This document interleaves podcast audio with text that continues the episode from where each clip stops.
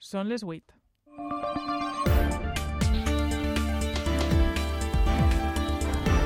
Les notícies de la nit amb Sara Garcia i José Soler.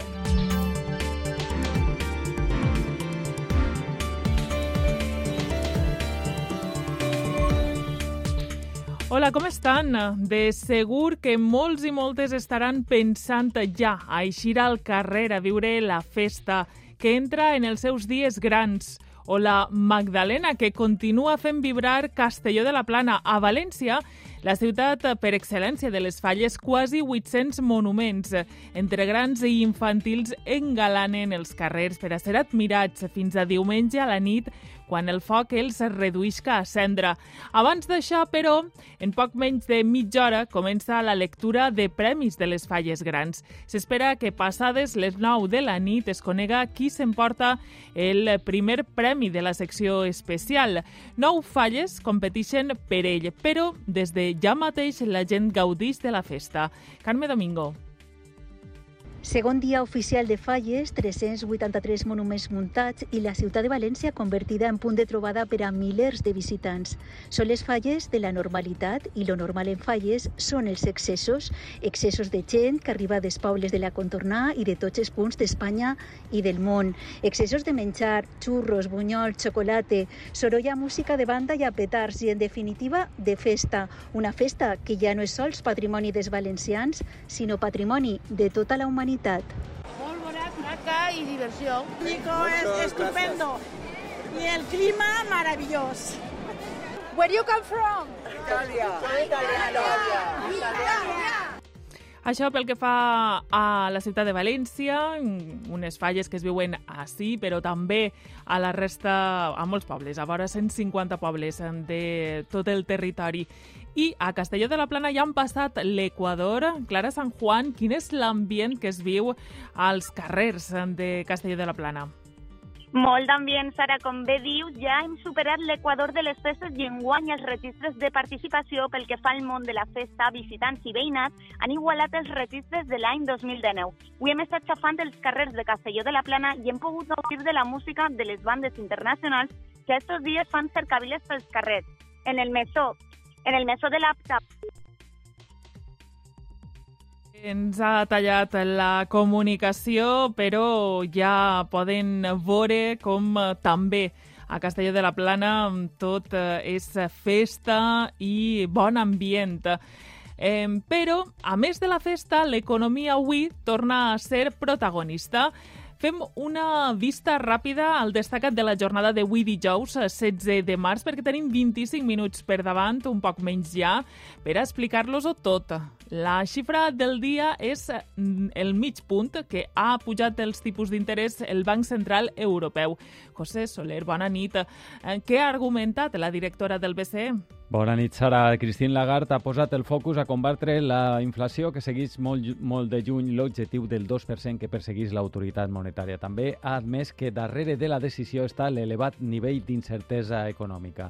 Amb aquest augment, els tipus d'interès s'eleven fins al 3,5%. Lagarde també ha promès la liquiditat necessària per a respondre a una eventual crisi bancària. We are monitoring current market tensions closely el BCE compta amb tots els instruments de política monetària necessaris per a subministrar suport de liquiditat al sistema financer de la zona de l'euro si fora necessari, ha dit.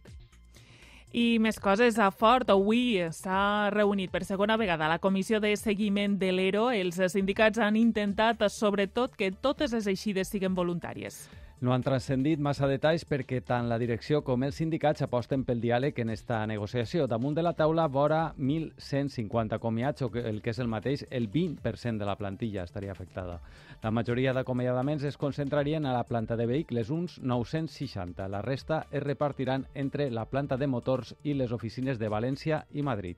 José Luis Parra, secretari del Comitè d'Empresa de Ford Almusafes i portaveu d'UGT, y Daniel Portillo, portaveu d'Intersindical a Ford Almusafes. La empresa ha dicho que está explorando diferentes vías, pero que no ve la posibilidad de minorar el expediente por debajo de, de las mil personas. Pensamos que la Ford tiene que, que hacer lo, lo necesario para que se, esa cifra se pueda reducir. I en política provincial, Ciutadans es queda sense representació a la Diputació d'Alacant. Si dilluns d'esta setmana abandonava el grup Javier Gutiérrez, avui ha sigut el torn de Julia Parra, l'única diputada que encara continuava a la formació taronja en la Diputació. La vicepresidenta de la Corporació Provincial ha emès un dur comunicat. L'oposició, com la presidenta de Ciutadans a la Comunitat Valenciana, Mamen Peris, demana al PP que el retire les competències per transfugues. Y el transfugismo es corrupción, porque desde luego lo que Ciudadanos no entiende es que se mantenga un pacto de gobierno con trásfugas. El acta es literalmente de, de propiedad de los diputados y si vuelve a tildar de corrupción esta circunstancia, pues entonces se dará de bruces con la verdadera legalidad en un juzgado. Al control tècnic està Juan Alpuente i seguim amb el titular d'Esports, perquè avui tenim dos equips valencians disputant competició europea. Ximota Marit, hola. Hola, Sara, i tot ho anem a contar en esta sintonia a partir de les 8 i 25 en el programa Des de la Banda.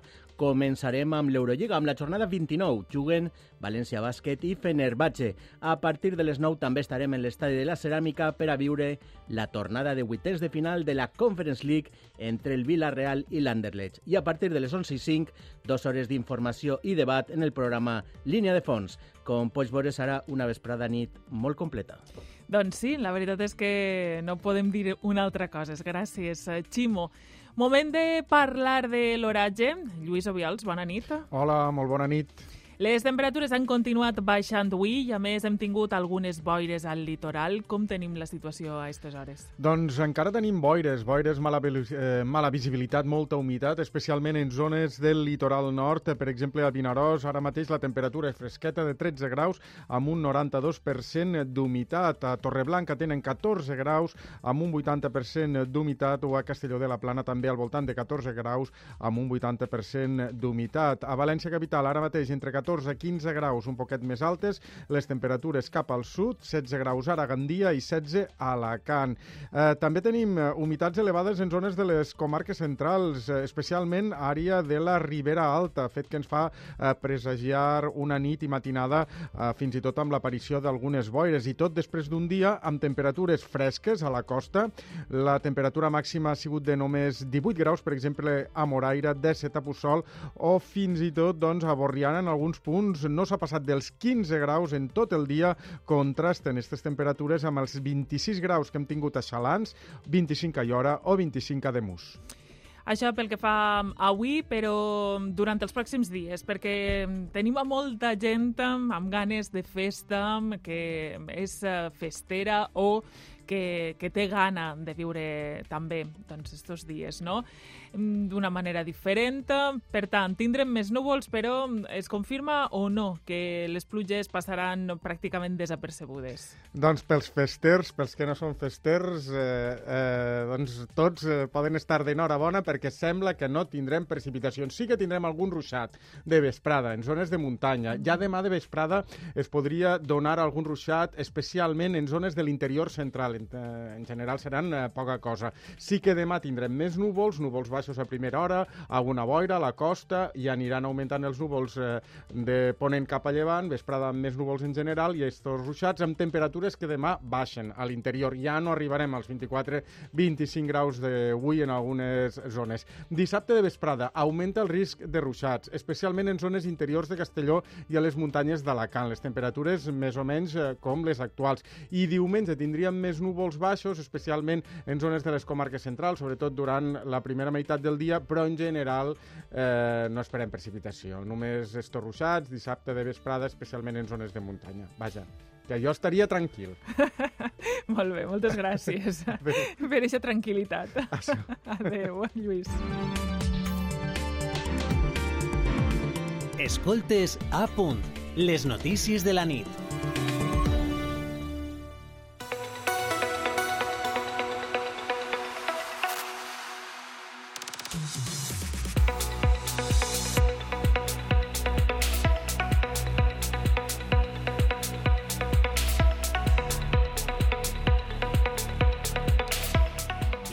Comencem ja. El Banc Central Europeu apuja de nou els tipus d'interès. Els situa en el 3,5%, una decisió molt esperada després del terratrèmol financer de l'última setmana al qual s'ha referit la presidenta de l'entitat, Christine Lagarde. We are monitoring current market tensions Estem seguint de prop les tensions and actuals del mercat to i estem respond preparats per a necessary respondre, si és necessari, preserve per a preservar l'estabilitat de preus i financial financera en la in zona de area. Lagarde ha avalat la resistència dels bancs europeus i els garanteix liquiditat si la necessiten. Els últims terratrèmols financers no han detingut el full de ruta, com hem dit, del Banc Central Europeu, que apuja per sisena vegada els tipus d'interès mig punt com tenia previst. La inflació continuarà alta a llarg termini, ha dit Christine Lagarde, i això fa que el Banc Central no canvie de plans. Torna a pujar els tipus d'interès i el situa en el 3,5%. Ni la fallida del Silicon Valley Bank ni la crítica situació de Credit Suisse ni les tur turbulències a les borses eh, desvien l'estratègia de reduir la inflació el 2% el 2025. La vicepresidenta del Banc Central Europeu ha tranquil·litzat la tensió bancària i assegura que hi ha liquiditat si cal actuar. La pujada dels tipus i el préstec dels 50.000 milions del Banc Nacional de Suïssa per a pal·liar la delicada situació de Crèdit Suís ha marcat la jornada de les borses. El parquet espanyol ha tancat en positiu. El BBVA i el Santander s'han sumat a la recuperació. No així el Sabadell i CaixaBank, que s'han tenyit de roig. Però, tot i la incertesa, l'Associació de Banca Espanyola defèn la fortalesa de les entitats. Alejandra Quindelan n'és la presidenta. Rotundamente no hay riesgo de contagio a la banca española. De Credit Suisse llevamos meses oyendo informaciones, es un banco que tenía sus dificultades, y de SVB, que es donde empezó todo esto, yo creo que es un banco que no tiene nada que ver con nosotros. El Banc Central Europeu lliga les futures revisions dels tipus d'interès a l'evolució de les dades econòmiques i revisa a l'alça el creixement de la zona euro, del 0,5 a l'1% durant 2023. I eh, en punt mort, sense cap abans, ha acabat avui la segona reunió entre Ford i els sindicats per a negociar un expedient de regulació d'ocupació eh, que en un principi afectarà vora 1.150 treballadors i treballadores d'Almussafes. Ford vol tindre enllestit l'ERO en tres mesos. La companyia es nega a rebaixar per davall del Miller la xifra d'acomiadaments mentre que els sindicats volen reduir-la a qualsevol preu perquè la consideren terrorífica i demanen que s'incentiven les baixes voluntàries fins i tot per davall dels 55 anys. El dilluns que ve tindran una nova reunió, reunió per a mirar d'acostar postures. Escoltem José Luis Parra, secretari del Comitè d'Empresa de Ford Almussafes i portaveu d'UGT, i a Daniel Portillo, portaveu d'Intersindical a Ford Almussafes. La empresa ha dicho que está explorando diferentes vías, pero que no ve la posibilidad de minorar el expediente por debajo de, de las mil personas. Y es por eso que insistíamos en la necesidad de mejorar los planes que fuimos capaces de acordar la última vez, incluso hablando de salidas por debajo de los 55 años. Datos terroríficos para la plantilla. Pensamos que, que la Ford tiene que, hacer lo, necesario para que esa cifra se pueda reducir. I la gerent d'Àvia, Helena Lluc, ha reconegut en les notícies del matí que el clúster valencià de l'automoció patirà les conseqüències de l'expedient de regulació de la planta de Ford d'Almussafes. Encara que la indústria auxiliar de l'automòbil s'ha diversificat per a no dependre tant de Ford, serà inevitable un impacte en aquestes empreses de la reducció de la plantilla i de la càrrega de treball de la planta d'Almussafes. Es inevitable que haya un, un, una causa directa ¿no? de, de reducción de empleo. Desconocemos el, impacto todavía porque no han habido movimiento. Hasta que Ford no, no, cierre su negociación, pues no, no conoceremos el impacto en la cadena de valor y esperemos que sea el mínimo posible. Hi ha 24 hores perquè es posa la primera ped pedra de la gigafactoria. Avui s'ha alçat i cremat una falla en senyal de protesta a Sagunto. Són llauradors afectats per l'expropiació dels terrenys de Parc Sagunt 2, on anirà la planta. Volen que se'ls pague a 20 euros el metre quadrat, tal com ha fixat el, el jurat provincial d'expropiació, i exigeixen que Consell i Govern Central retiren les demandes que han interposat contra ells per un preu que qualifiquen d'espoliació. Vicenta Benet és afectada i María José Mira, secretaria autonómica de Model Econòmic. Nos pasamos la vida mirando al cielo y sufriendo por la tierra y ahora que podía aliviarte un poco, nos parece que es muy injusto. Desde Space Economics estamos intentando alcanzar un acuerdo con el jurado de expropiación porque ha emitido un informe en el que no estamos técnicamente ni jurídicamente de acuerdo por el procedimiento ni la metodología que han aplicado con la, con la valoración del justiprecio. Les notícies de la nit, amb Sara Garcia i José Soler.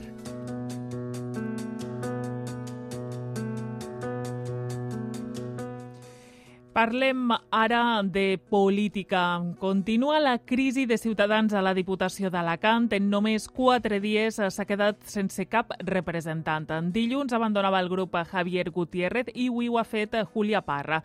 La vicepresidenta de la Corporació Provincial se'n va amb un dur comunicat. Tampoc deixa l'acte ni el càrrec. L'oposició, com la presidenta de Ciutadans a la Comunitat Valenciana, Mamen Peris, demana al Partit Popular que els retire les competències per transfugues. Manel Biosca. Ahir el coordinador estatal del Partit Taronja, Carlos Pérez Nievas, amenaçava el PP de trencar el pacte de govern a la Diputació a la Cantina, però no han passat ni 24 hores i avui també ha abandonat Ciutadans Julia Parra, vicepresidenta de la corporació i l'única representant que els quedava. Parra ha emès un dur comunicat en què afirma que el seu expartit va a la deriva i assenyala els actuals dirigents, Pérez Nievas i Mamen Peris, presidenta en la Comunitat Valenciana, com a emissaris de Ximo Puig. Mentrestant, Peris llança un missatge a qui té les atribucions per retirar les competències, Carlos Mazón. Y el transfugismo es corrupción, porque desde luego lo que Ciudadanos no entiende es que se mantenga un pacto de gobierno con trásfugas. Javier Gutiérrez, exdiputat de Ciutadans. El acta es literalmente de, eh, propiedad de los diputados y si vuelve a tildar de corrupción esta circunstancia, pues entonces se dará de bruces con la verdadera legalidad en un juzgado. Però Mazón, lluny de retirar les competències a Gutiérrez i Parra, els confirma en el seu equip. Han tomado una decisión que es de seguir siendo de centro, seguir siendo liberales. Demà PSPB i Compromís s'han convocat una roda de premsa per a demanar la destitució immediata dels que consideren diputats trànsfugues.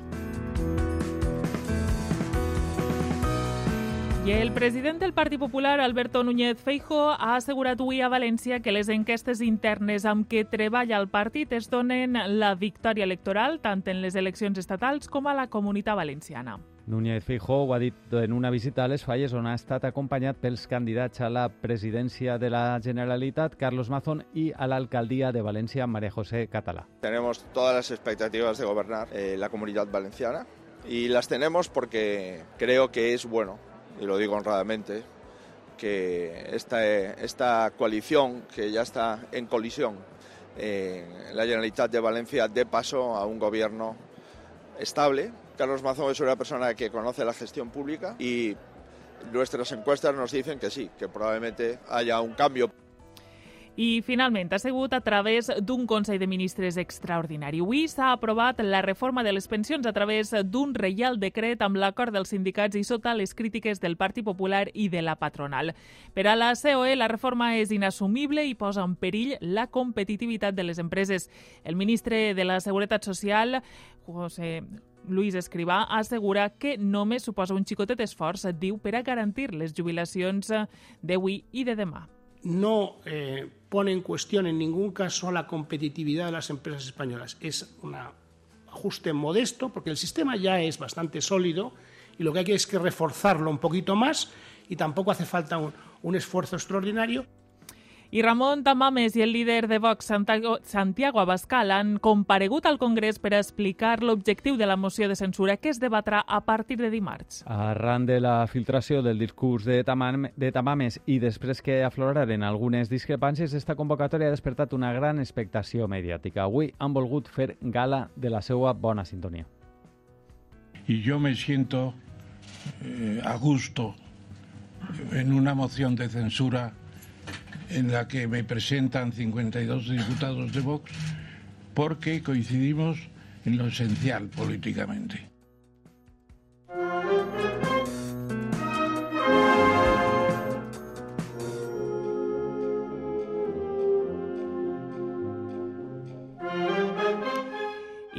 Parlem eh, ja de falles, perquè d'ací a uns minuts està previst que comenci el lliurament dels premis a les falles grans i a partir de les 9 i quart aproximadament, eh, com va passar ahir, s'espera que es doni a conèixer la falla guanyadora de la secció especial. En les distintes comissions eh, ja poden imaginar-se que els nervis estan a flor de pell, amb moltes ganes de saber si s'emportaran el guardó. Si parlem només de les falles d'especial, nou aspiren a alçar-se amb el reconeixement més important de l'art faller. Tenen un pressupost d'entre 90.000 i 250.000 euros. Recordem que l'any passat aquest reconeixement va, rec va correspondre a la falla Convent de Jerusalem Matemàtic Marstal i enguany és la que més ha invertit en el monument, 255.000 euros, i un títol en la mateixa línia, per un grapat d'euros. Esta comissió es va alçar ahir amb el primer premi a la falla infantil. En la televisió i el web d'Apunt podran seguir en directe el veredicte i totes les reaccions i l'alegria de la comissió guanyadora. I eh, primer dia gran de falles, amb tots els monuments ja en peu, el que atrau cada vegada a més gent que vol gaudir de la ironia dels ninots i l'alegria que desprenen. Carmen Domingo està vesprada, s'ha passejat pels carrers de València i ha comprovat quin és l'ambient. Segon dia oficial de falles, 383 monuments plantats i la ciutat de València que es converteix en punt de trobada per a milers de visitants. L'ambient faller es respira i es contagia. Esta és una festa per a disfrutar-la amb els cinc sentits. Les falles saben a bunyols, a amics i a bon rollo. Me sabe a fiesta y alegría. Las fallas son barrocas, llenas de, color, de luz, de, de esplendor. El sonido de les bandes quan va per, la, per, la, pel carrer. Y es su primera falla con música, está alucinando. Han vengut de París perquè és la primera volta que ha vengut i li encanta. Està enamorada de les falleres, dels monuments, de les, la masletà. És una emoció grandíssima i estava loco. Pues que avui hasta les llàgrimes. C'est super, super valencià.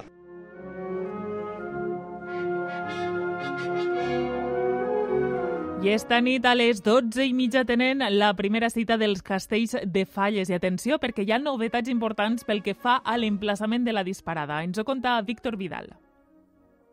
Enguany, els castells de focs artificials estrenen ubicació. Serà el passeig l'Albereda darrere del Palau de les Arts. Este emplaçament amplia el front de la disparada de 60 a 200 metres.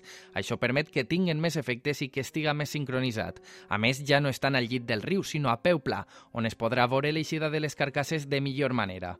Els equips de muntatge de la pirotècnia aitana de Bèlgida, de la Vall d'Albaida, ja tenen tot engestit per a cremar més de 700 quilos de pólvora a partir de les 12 i mitja de la nit. Un consell, els pirotècnics ens han recomanat que la millor zona per a veure'l és el carrer Alcalde Reig, al costat del Palau de les Arts.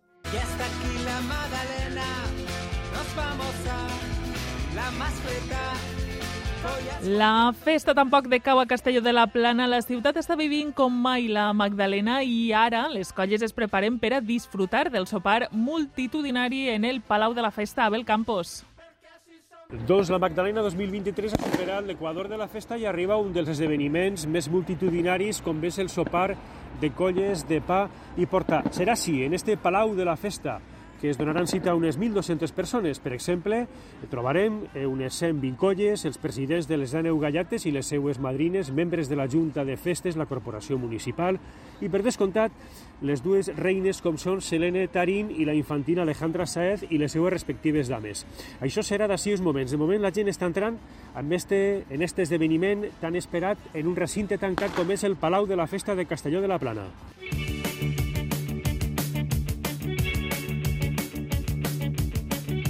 I a Castelló de la Plana esta vesprada s'ha celebrat el cos multicolor. Després de tres anys sense poder celebrar-se a causa de la pandèmia i de la pluja, el confeti ha sigut el protagonista en este dijous de Magdalena, una crònica de Clara San Juan. 22 carrosses han participat esta vesprada en el cos multicolor on han llançat uns 5.500 quilos de confeti que han plenat l'avinguda Blasco Ibáñez, però no només l'asfalt. Això és impressionant, hi ha molta gent, hi ha confeti per tots els voltants. Batallers campals que han animat els més menuts i les més menudes. Molt guai, perquè tiren molt de confeti. Ara estem plenant un sac.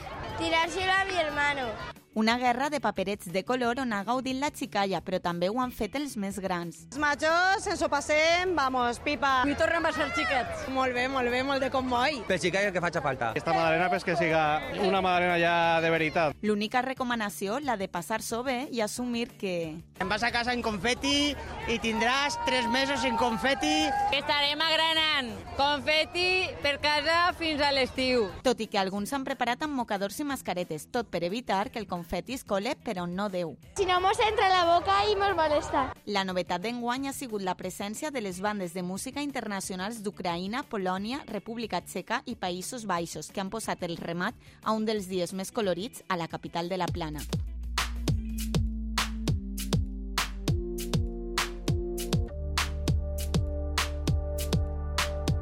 Les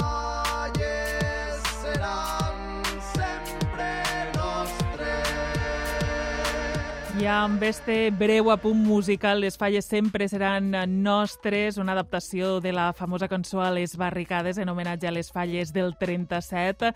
Posem punt final a les notícies de la nit d'avui.